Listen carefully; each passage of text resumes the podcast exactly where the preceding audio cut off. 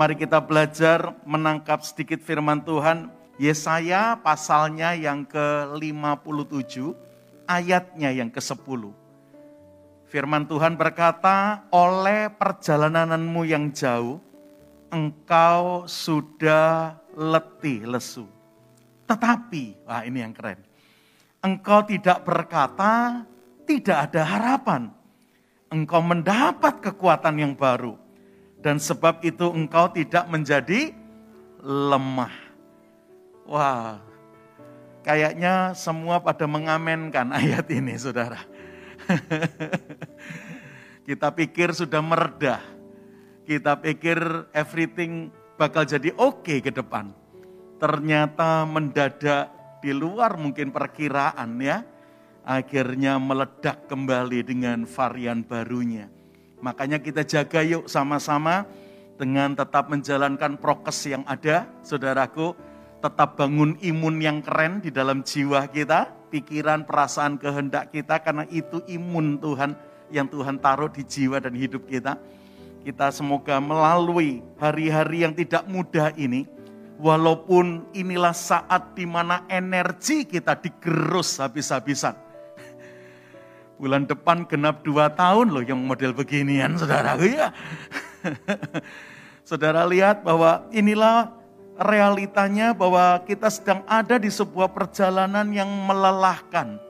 Sebuah perjalanan yang menggerogoti energi kita luar biasa. Beberapa rekan yang punya usaha di mall kemarin baru bernafas lega ketika mall-mall dibuka, tempat usahanya bisa kembali buka. Tapi Toto muncul kayaknya balik lagi nih. Remnya mulai ditarik saudara. Iya. Karena sudah lewat 30 ribu orang yang lewat sudah saudaraku ya. Jakarta nyumbang yang terbanyak katanya saudara. Tapi sekali lagi, di tengah realita yang melelahkan, di tengah situasi dan kenyataan yang menghabiskan banyak energi ini, semoga saudara dan saya bisa mengalami Yesaya 57 ayat yang ke-10. Walaupun perjalananmu sudah begitu lika-liku, menggerus semua energi dan melelahkan, tetapi saudara dan saya tidak pernah kehilangan harapan, saudara. Engkau nggak pernah berkata nggak ada harapan, berarti selalu punya harapan. Dan ternyata itu yang membuat kita mendapat kekuatan yang baru dan tidak pernah lemah menghadapi realita yang seperti ini. Iya, sekali lagi, jangan-jangan udah ada yang mulai capek ini. Capek bangun karir, capek dengan dengan banyak hal yang sedang dihadapi hari ini. Doa saya di tahun yang baru ini, kekuatan yang ekstra dari Tuhan dilepaskan buat kita. Gimana caranya supaya kekuatan Allah ini dilepaskan atas kita? Yuk kita baca, kita lanjutkan pembacaan kita ke Yesaya 40 ini ayat yang terkenal, saudara. Saudara pasti hafal ayat ini. Yesaya pasalnya yang ke-40, baca mulai ayat yang ke-28 sampai ayat terakhirnya, ayat yang ke-31. Alami kebenaran ini. Ya, Yesaya 40 mulai ayat yang ke-28. Tidakkah kau tahu dan tidakkah kau dengar? Tuhan ialah Allah yang kekal, yang menciptakan bumi dari ujung ke ujung apa kata Alkitab tentang Tuhan Allah kita? Ia tidak menjadi lelah dan ia tidak menjadi lesu, tidak terduga pengertiannya. Dan ayat 29 ini yang keren. Dia Tuhan yang tidak pernah letih dan lesu itu siap memberi kekuatan kepada yang lelah. Dan dia Tuhan yang luar biasa itu siap menambah semangat kepada yang tiada berdaya. Orang-orang muda menjadi lelah dan lesu, teruna-teruna jatuh tersandung. Tetapi orang-orang yang menanti-nantikan Tuhan mendapat kekuatan baru. Mereka seumpama Raja Wali yang naik terbang dengan kekuatan sayapnya. Mereka berlari dan tidak menjadi lesu, mereka berjalan dan tidak menjadi lelah. Wow, ternyata Yesaya 57 ayat yang ke-10 itu coba konekkan Coba hubungkan Yesaya 40 ayat 28 sampai 31 ini. Di tengah perjalanan yang melelahkan, di tengah realita yang gak mudah, di tengah keadaan yang aduh ribet, berliku-liku seperti hari ini, saudaraku. Mestinya banyak orang sudah hopeless, Mestinya banyak orang udah nggak ada lagi kekuatannya drop out, walk out dari arena pertandingan yang ada. Tetapi orang-orang yang mengalami Kristus tidak pernah berkata tidak ada harapan, saudara. Mereka mendapat kekuatan yang baru sampai nggak pernah lelah. Gimana caranya? Rupanya ini caranya. Mereka ketemu dengan Tuhan yang tidak pernah letih dan lesu itu alami perjumpaan dengan Tuhan yang tidak pernah letih, Tuhan yang tidak pernah lelah itu. Bahkan yang dahsyat, dia Tuhan yang luar biasa itu ingin melepaskan kekuatannya buat kita. Ingin mencurahkan semangatnya, energinya, powernya buat saudara dan saya. Supaya kita pun dibuat tidak pernah defisit kekuatannya, tapi selalu surplus energinya. Ngadapin semua realita yang ada. Bagian Anda dan saya adalah Yuk kita menjadi umat yang menanti-nantikan Tuhan. Sedikit penjelasan dengan kata menanti-nantikan Tuhan. Beberapa salah salah tafsir. Mereka pikir ya udah ditunggu saja dengan pasif. Karena katanya wait upon the Lord. Mari kita menunggu Tuhan. Mari kita menanti-nantikan Tuhan. Lalu kalau membaca ayat ini benak pikirannya dibawa seperti nunggu dipanggil boarding masuk pesawat. Nunggunya sambil ngopi, saudara. Oh iya, nunggunya sambil baca koran, baca majalah di lon, saudaraku. Nunggunya sambil WA-an, saudaraku, main game, saudaraku. Sampai ditunggu penerbangan ini, penumpang dengan penerbangan ini tujuan ke sini di Arab masuk pesawat, baru masuk. No, no, no. Menanti-nantikan Tuhan bukan pasif seperti itu tapi menanti-nantikan Tuhan ini justru artinya membangun keintiman dengan Tuhan dengan aktifnya saudara. Kalau Anda dan saya menanti-nantikan Tuhan itu artinya bukan menanti atau nunggu dengan pasif, dengan diam. Kayak nunggu travel kita datang jemput, kereta api kita berangkat lalu kita dimasuk naik keretanya. Bukan. Tetapi kita menanti-nanti Tuhan di sini justru artinya aktiflah build intimacy with Him Mari kita membangun keintiman kita dengan Tuhan dengan aktifnya di sikon yang seperti ini. Karena dari pihak Tuhan, dia Tuhan yang siap melepaskan energinya buat kita. Dia Tuhan yang siap melepaskan kuasanya buat kita. Lalu bagian kita, mari kita menanti-nantikan Tuhan dengan aktif membangun keintiman dengan dia. Aktif membaca Alkitab, merenungkannya siang dan malam. Aktif memuji dan menyembah dia aktif beribadah, berkomunitas, saling menguatkan, aktiflah karena itu kata arti dari menanti-nantikan Tuhan. Bukan duduk diam dengan do nothing, no saudara. Tetapi di sikon yang seperti ini, mari makin aktif menghampiri takhta kasih karunia-Nya. Dan ada tiga hal yang dicatat Yesaya 40 ayat 31.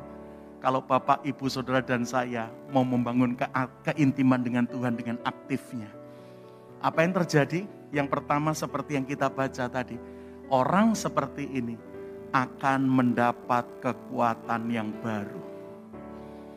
Wow, berapa kali saya melayani ibadah online via Zoom atau via apalah beberapa Jet Meet dan sebagainya. Ada beberapa yang kita pakai Skype, Saudara. Berapa kali sok yakin, wah baterainya handphone masih 60%. Tahan ini, Saudara. Ya. Lupa kalau sudah dipakai sekian tahun baterainya handphone mulai bocor saudara. Iya baterainya iPad mulai bocor karena udah dipakai sekian waktu saudara.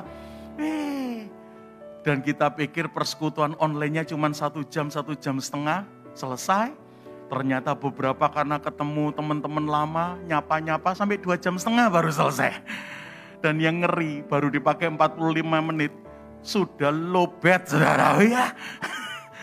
Langsung merah baterainya. Waduh. Makanya sejak hari itu saya tidak mau online tanpa gadget yang saya pakai online. Saya cas terus. Karena sementara dipakai online, baterainya terus diisi saudaraku. Mari kita membangun keintiman dengan Tuhan. Sampai ini yang terjadi. Apa yang terjadi? Bukan seperti beberapa kemarin yang ngajar, wah kalau sudah intim dengan Tuhan, salaman sama dia aja kayak kesetrum. Lu itu orang yang diurapi apa? PLN tegangan tinggi, saudara. Iya. Waduh kalau didoain sama dia terpelanting loh. Ini orang dekat sama Tuhan. Loh, loh. Tuhan Yesus yang diurapi dengan pengurapan tanpa batas saja anak-anak di bangku nyaman. Kalau anak-anak dekat dengan dia terpelanting takut loh anak-anak saudara. Iya. Loh Pak Pram tidak percaya yang begituan Pak. Saya mempercayai apa pun karena saya percaya roh kudus bisa buat apa pun.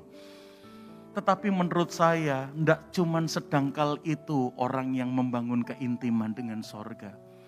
Orang yang membangun keintiman dengan sorga mestinya tidak terlalu bingung dengan yang sensasi, tapi ketemu yang esensi. Esensinya adalah dia tidak pernah defisit kekuatannya. Dia tidak pernah kehabisan energinya. Loh itu penting itu.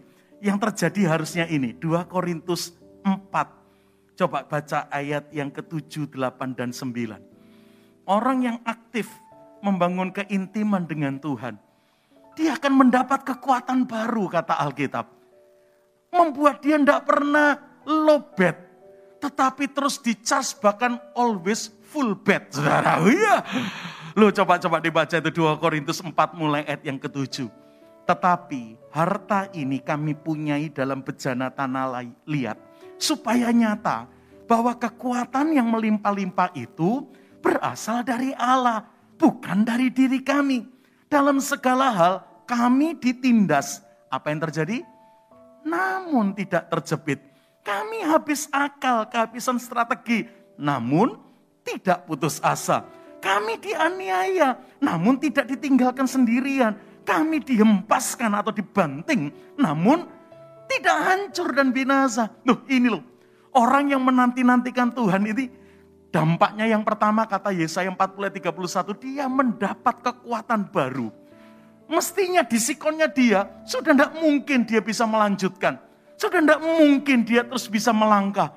Ternyata orang yang membangun keintiman dengan Tuhan itu selalu dapat injeksi stamina dari sorga, saudaraku ya. Selalu diinjeksi oleh energi yang dari sorga.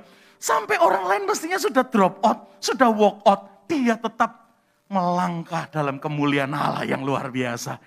Karena tujuannya Tuhan membawa Anda dan saya nyampe garis akhir dengan finishing well dan finishing maximum, saudaraku. Wah, dibanting orang lain udah babak belur, pecah, hancur lebur. Tapi orangnya Tuhan yang membangun kita dibanting, banting proof tahan bantingan nih saudaraku ya. Orang lain udah pecah, udah hancur, dia enggak. Wah, ini keren ini. Doa saya di stamina di realita yang ngabisin stamina ini, Yesaya 57 ayat 10 terjadi buat kita. Karena kita terus membangun keintiman dengan sorga. Sampai dia mendapat kekuatan baru. Yang kedua apa tadi? Dia akan dibawa Tuhan naik terbang seperti Raja Wali dengan kekuatan sayapnya. Dan Raja Wali tidak pernah terbang rendah. Raja Wali selalu terbang tinggi bahkan melintasi badai taufan yang ada. Dulu saya khotbah ayat itu, oh, dibawa terbang tinggi berarti terus dibawa naik sama Tuhan. Oke. Oh dibawa terbang tinggi kayak Raja Wali dibedakan dari yang lain. Oke. Saya pernah khotbahkan itu. Tetapi angle yang baru saya dapat ketika saya diskusi dengan seorang rekan. Ternyata Tuhan bilang begini, tak tempat yang tinggi itu fungsinya membuat engkau selalu punya cara pandang yang berbeda. Nah. Kenapa orang yang menanti-nantikan Tuhan, Tuhan janji membawa dia terbang seperti Raja Wali, naik dengan kekuatan sayapnya ke tempat yang tinggi. Karena orang yang intim dengan Tuhan selalu ditandai ngeliat apa pun, ngadapin apa pun, sudut pandangnya beda, saudara. amin, amin. Kita dulu pikir, wah naik terbang tinggi, wah terus naik ini. Oke oke, ada janji itu juga kok dibawa terus naik dan tidak turun. Dibedakan ini. Baik-baik ada ayat itu juga kamu akan dibedakan. Tetapi tempat yang tinggi itu tempat yang membuat Anda dan saya punya wacana yang lebih luas. Satu rekan kantornya di Sudirman sana, enggak tahu gedung apa. Satu kali dia cerita, pulang kantor, keluarin kendaraan, mau pulang. Begitu mau exit atau mau keluar dari parkiran kantor, lu kok depan macet ya? Dia lihat, waduh, Ini kalau pulang sekarang nyampe rumah 2-3 jam lagi nih saudaraku ya. Lah macet eh. Apa yang dia buat? Ada kerjaan yang belum selesai. Saya kalau pulang sekarang kena macet 2-3 jam lagi nyampe rumah. Wong rumah saya di daerah misalnya Bekasi, kantornya di Sudirman. Udahlah, saya tak masuk dulu, saya tak nyelesain kerjaan dulu sambil nunggu kemacetannya cair. Karena begitu dia mau keluarkan kendaraan macet dia parkir ulang kendaraannya, dia naik kembali ke kantornya di lantai 27 di Sudirman. Nyampe kantor di lantai 27 dibuka laptopnya mau kerja, ada yang belum selesai. Sambil laptopnya buka, dia rupanya buka jendela dari lantai 27. Ternyata dia lihat, wah lah macetnya cuma 100-200 meter doang saudara. Iya, ada gorong-gorong lagi dibenerin itu. Dan itu nggak kelihatan ketika dia di bawah. Itu hanya kelihatan ketika dia naik ke lantai 27 kantornya. Sadar enggak tempat yang tinggi itu seharusnya bikin Anda dan saya lihat apa pun. Tapi wacananya beda saudara. Angle-nya berbeda. Waktu di bawah nggak lihat. Waduh ini jangan-jangan 2-3 jam baru nyampe rumah. Udahlah kerja aja. Tapi begitu dia naik di lantai 27, sementara laptopnya diaktifkan, dia buka jendela, walah. Ini kalau tidak pulang sekarang bisa lebih panjang setelah ini ya saudara. Iya, keputusannya bisa lain loh. Akhirnya dia bilang udah kerja besok aja tuh di rumah aja. Mumpung masih 100-200 meter kemacetannya. Ini dari lantai 27 aku lihat cuman segitu setelah itu lolos. Kalau saya malah tidak pulang sekarang, bisa betul-betul 2-3 jam baru nyampe rumah.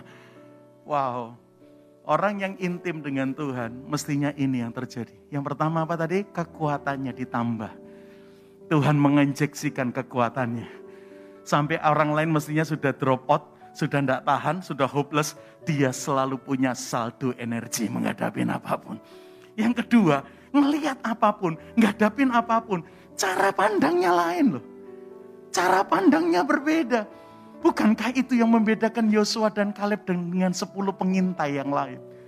Realita yang dilihat sama, macet. Oh iya, realita yang dilihat sama, ngeri penunggu tanah perjanjian. itu bangsa enak ada di sana semua. Mungkin kalau hari ini tim Avenger ada di sana semua, saudara. Iya, Nggak mungkin kita bisa masuk tanah perjanjian. Loh fakta yang dilihat 12 pengintai sama.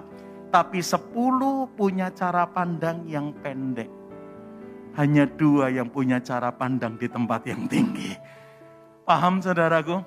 Yuk, yuk, yuk. Jangan bilang ang, apa intim dengan Tuhan. Ngelihat apa pun cara pandangmu pendek loh saudaraku ya. Itu juga yang membedakan Musa dengan seluruh barisan Israel ketika di depan Laut Kolsom, Laut Tebro, dan di belakang tentara Mesir mengejar. Itu Dua tiga juta orang Israel bilang mati aku. Cuman Musa yang bilang bukan kita bro yang mati, mereka. Wah mau dilemparin batu itu Musa saudaraku ya. Ini Musa buta apa saudaraku ya. Di depan laut kosong, di belakang tentara Mesir dengan kereta besinya mengejar kita dengan kemarahan yang besar. Mati kita kejepit. Musa tok yang berkata, bukan kita bro yang mati, mereka bro. Wah itu dua tiga juta orang mau ngelemparin batu loh Musa saudaraku. Padahal yang benar yang mana? Musa. Kok bisa Musa beda? Dia melihatnya dari tempat yang tinggi. Amin. Amin. Saya tidak khotbah yang sensasi hari ini, saya khotbah yang esensi aja saudara. Orang yang membangun keintiman dengan Tuhan, enggak mungkin habis tenaganya, wong Tuhan injeksikan terus kuasanya. Yang kedua, ngadapin apa pun, lihat apa pun, cara pandangnya beda. Wow, dan yang ketiga yang saya suka dari Yesaya 40 31 tadi adalah orang yang menanti-nantikan Tuhan. Yaitu aktif membangun keintiman dengan Tuhan. Diajak jalan gak lelah, diajak lari gak letih. Apa itu namanya? Itu orang fleksibel sekali ya. Diajak jalan yang menikmati karena jalan lebih slow daripada lari. Tapi satu kali diajak lari cepat, iya bisa, nggak terengah-engah apa namanya kalau bukan fleksibel itu? Bapak Ibu, kalau biasa nyantai, slow, pelan, disuruh cepat. Orang Jawa bilang mengge-mengge lah saudara. Ya, terenganga lah saudara. Orang biasa nyantai saudara. Ya. Terus diajak cepet. waduh, itu jantungnya bisa saturasinya turun itu saudaraku ya. Kehabisan oksigen saudaraku. Lah biasa pelan, ini diajak cepet. Tapi sebaliknya orang yang biasa cepet diajak pelan, gregetan loh. Pernah nonton Master Bean mau turun tangga terus ketemu mak-mak dan opa-opa saudaraku ya. Halo pernah nonton itu? Orang yang biasa cepet kayak Master Bean, nunggu si oma opa tunu, tunu, timi, timi, saudaraku. Wah bahasa Jawa saya keluar semua ini saudaraku. Karena udah mulai tinggal di Jawa Tengah saudaraku. Nggak tahan, oh biasa cepet disuruh slow. Waduh, tapi hebatnya orang yang menanti-nantikan Tuhan, yaitu aktif membangun keintiman dengan Tuhan. Ternyata orang itu ditandai dengan fleksibilitasnya tinggi Diajak slow, diajak pelan ya bisa menikmati. Diajak cepat ya enggak ketinggalan nih. Wow, keren itu saudara. Ini orang fleksibilitasnya tinggi. Kemarin sebelum pandemi mungkin berkat melimpah ruah. Makan tuh sampai mejanya diputer. Lah menunya kebanyakan mejanya sampai diputer. Setelah pandemi tutup kurang order, kurang proyek, penghasilan kurang. Ini sekarang piringnya yang diputer enggak jelas makan apa hari ini saudaraku ya. Kemarin mejanya diputar kebanyakan menu, sekarang piringnya diputar. Ini makan apa hari Tidak jelas saudaraku. Tapi asik, dia bisa menikmatin aja. Kemarin duitnya banyak, minumnya es krim, satu es krim harganya 60 ribu, 70 ribu. Sampai nunggu hari Senin belinya, kan ada pay one bed, apa ya, apa get one free, saudaraku ya. Satu kali tidak punya duit belinya es, es batu, saudaraku ya. sama dinginnya beda rasa, tapi bedanya cuma 20 cm lewat tenggorokan sama, saudaraku ya. Orang itu fleksibel. Satu kali di, di, disambut, diberkati dalam pelayanan. Oke, satu kali nggak ada sambutan, nggak ada apresiasi dalam pelayanan. Tetap bisa do something dan do the best di dalamnya. Itu tanda orang lengket sama Tuhan. Sampai diapain saja tidak ada yang membuat dia tidak bisa menghadapinya. Wah ketemu beginian setan yang frustasi loh saudara. Oh iya. Ini orang dikasih jadwal banyak ya tetap rendah hati. Namanya terkenal ya terendah hati. Satu kali tidak ada yang jadwal, ya tetap melayani. Karena dia tidak berhenti. Berhenti gara-gara jadwal saja. Orang seperti ini fleksibilitasnya tinggi. Itu yang disebut Filipi 4. Tak tunjukin ayatnya yuk. Tahun ini kita bakal selesaikan dengan finishing well dan finishing maksimum saudaraku. Coba buka Filipi 4. Baca mulai ayat yang ke-11 sampai 13. Ini loh, diajak jalan nggak lesu, diajak lari nggak letih itu kayak begini nih. Kata Filipi 4 ayat yang ke-11, ku katakan ini bukanlah karena kekurangan. Sebab aku telah belajar mencukupkan diri dalam segala keadaan. Aku tahu apa itu kekurangan, jalan lambat, dan aku tahu apa itu kelimpahan, lari ini cepat ini. Aku tahu dalam segala hal dan dalam segala perkara tidak ada sesuatu yang merupakan rahasia bagiku. Aku tahu baik dalam hal kenyang maupun dalam hal kelaparan. Baik dalam hal kelimpahan maupun dalam hal kekurangan. Segala perkara kata 13 dapat ku tanggung di dalam dia yang memberi kekuatan kepadaku. Keren ini, fleksibel loh ini. Lapar bisa, kenyang bisa kurang bisa, limpah bisa. Coba saudara. Apa apa setannya enggak stres ketemu orang kayak begini saudaraku ya. Diapain aja. Mau pelayanan di kota ya bisa, mau pelayanan di desa ya bisa. Dikasih uang gede ya bisa, dikasih uang receh ya tetap produktif untuk kemuliaan Tuhan nih. Wow. Ini tanda kalau Anda dan saya menanti-nantikan Tuhan. Yang artinya terus aktif membangun keintiman dengan Tuhan kekuatannya diperbaharui. Ngalamin apa pun, ngadapin apa pun, cara pandangnya punya divine sight, punya cara pandang ilahi, saudara. Terus ngadapin realita apa pun, dia bisa menikmatinya. Sudah lama tidak bisa makan buah pir, belilah pengkoang dulu saudara. Iya, mirip toh. Selisih 20 cm lewat tenggorokan sama saudara. Iya, pengkoang dan buah pir saudara. Iya. Tapi dinikmatin aja. Serius saudara. Saya alami juga dua tahun ini. Kita nikmatin aja. Tetap produktif. Wow. Dan di situlah ternyata apa yang Tuhan kerjakan dalam kita membuat yang lain ikut disemangati saudara. Yang lain ikut ditulari. Realitanya sama kok. Yang nangis bukan cuma pengusaha. Beberapa gereja dan pendeta ikut nangis loh saudara. Ya. Karena pandemi ini menyeleksi banyak hal. Ya, yang kemarin jadi hamba Tuhan karena panggilan atau profesi beda saudara. Ya. Kemohon. Saya tutup dengan cerita yang Bapak Ibu mungkin sudah kenal. Di Indonesia kita punya legenda bulu tangkis. Bapak Rudi Hartono. Salah satu cerita hidupnya yang heroik ketika tahun 1974 dia memenangkan juara All Englandnya yang ketujuh. Berturut-turut, saudaraku ya. Yang kedelapan dia uh, raih dua tahun kemudian, tahun 76. Tapi tahun 74 itu dia meraih juara All Englandnya yang ketujuh kalinya yang berturut-turut itu. Dan hari itu sebelum dia masuk final dan menang. Di semifinal menghadapi lawan tanding dari Swedia, saya lupa namanya. Saudara bisa cek di Google. Dia menghadapi lawan tanding di semifinal dari orang uh, Swedia, ya. Dan yang ngeri di set yang pertama, waktu itu babaknya uh, gamenya sampai angka 15. Kalau sekarang sampai angka 21 ada perubahan. Dia kalah 15 berapa begitu di set yang pertama. Dan yang ngeri, di set yang kedua, Bapak Rudi Hartono sudah ketinggalan 14-1. Lawannya tinggal satu angka game, Rudi Hartono masih satu, butuh 14 angka lagi. Itu secara realita udah ngerogotin energi itu saudara. Iya. Set pertama kalah, set kedua ketinggalan begitu jauh 14-1. Wah, itu realita psikisnya udah kena ini. Udah gantung raket aja, saudara. Iya, lah udah berat, saudara. set pertama lu kalah, set kedua ketinggalan begitu jauh. Tuh lawanmu tinggal satu angka lagi selesai. Lu masih satu. Tapi sejarah ini tercatat di dunia Pak Rudi Hartono waktu itu cuma berkata, Tuhan boleh enggak minta satu angka. Tambahin satu lagi. Eh bener loh, dari 14 satu jadi 214 loh gue ya.